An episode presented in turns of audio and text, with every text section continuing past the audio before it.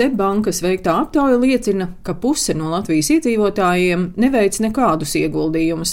Galvenie iemesli ir brīvu līdzekļu trūkums, bailes no iespējamiem zaudējumiem un zināšanu trūkums par norisēm finanšu tirgos.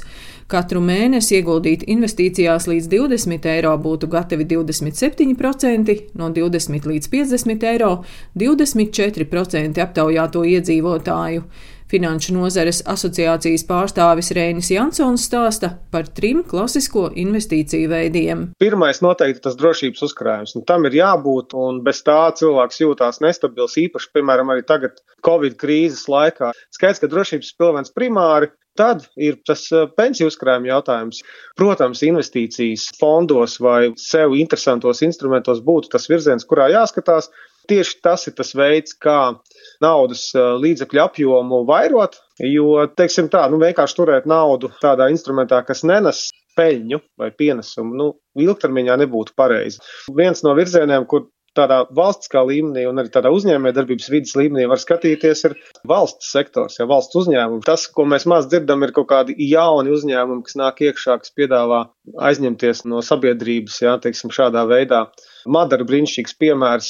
Nu, es ceru, ka tuvākajā laikā būs vēl kāds pietiekami skaļš un dzirdams. Nu, tas ir tas veids, kā sabiedrība kļūst ar vien zinošāku. Statistikas dati liecina, ka iedzīvotāju interese par akciju un vērtspapīru tirgu Baltijā palielinās.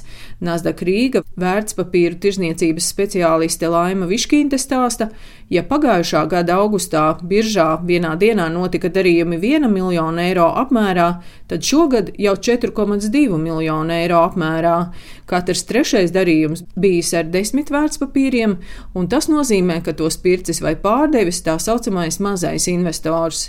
Lietuvā un Igaunijā ir aktīvāki investori, jo šajās valstīs visnesenāk ir bijuši jauni uzņēmumi, kas ir piedāvājuši tirgoties ar savām akcijām. Pieņemsim, pagājušā gada rudenī Viļņā ienāca Lietuvas enerģētikas uzņēmums Ignitis Grupa biržā. Tāpat laikā arī Igaunijā šī gada laikā alternatīvajā akciju tirgu ir ienākuši jau trīs jauni uzņēmumi.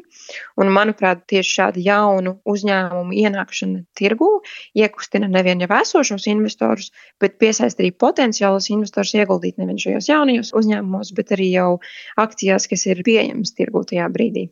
Šogad arī Rīgas biržā plāno ienākt tādu uzņēmumu kā Virši un Delfina grupa, un tādā veidā sniegt Latvijas iedzīvotājiem iegādāties vietējo uzņēmumu akcijas arī šeit tepat Latvijā.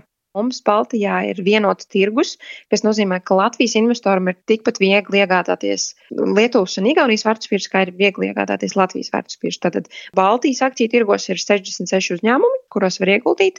Tāpat Madara ir Online Farm un SAF tehnika, Hansa Matrix, bet ir arī vēl citi Seibankas finanšu tirgus pārvaldes vadītājs Andris Lāriņš stāsta, no tiem iedzīvotājiem, kas šobrīd veic investīcijas, 60% to dara reizi mēnesī un iegulda 20 līdz 50 eiro. Latvijas iedzīvotāji aktīvāk investē pensiju fondos un trešajā pensiju līmenī, lietuvieši un igauņi nekustamajā īpašumā. Lai palīdzētu iedzīvotājiem orientēties investīciju jomā un noteikt riska līmeni, Seibanka savā mobilajā aplikācijā izveidojusi īpašu rīku robo investoru. Fondi ir investīcija instruments, kur mēs uzticam naudu pārvaldītājiem, kur ir sakomplektējuši investīciju komplektu, kas ļauj iedzīvotājiem pēc uh, savas intereses, vai tas būtu sekošana lielajiem akciju tirgus indeksiem, vai tā būtu sekošana kaut kādam segmentam, kā tehnoloģijas vai nekustamais īpašums. No šiem fondiem uh, var izvēlēties, kur investēt savu naudu, un tā tiek uh, profesionāli pārvaldīta. Protams, no krājot vienu eiro mēnesī daudz nesakrāsi, bet 20 līdz 50 eiro ikmēneša iemaksām var arī sākt savus pirmos soļus investīciju pasaulē. Skaidrs, ka investējot savu naudu finanšu tirgos, ir jārēķinās ar riskiem. Bet šeit galvenā lieta ir, ka šī nauda finanšu tirgu jāinvestē pārdomāt. Vēsturiskie dati rāda, ka ja mēs investējam ilgtermiņā un regulāri, tad nu, reti ir bijuši tādi periodi, ka 5 vai 10 gadu laikā tirgu ir bijuši zaudējumi. Tātad, investējot, jāpaturprātā gan riski finanšu tirgos, gan tas, ka, piemēram, no 30. septembra līdz 3. septembrim, tātad 5 dienu laikā, krāpnieki no Latvijas iedzīvotājiem izkrāpuši 415 tūkstošus eiro. Daina Zalamane, Latvijas radio.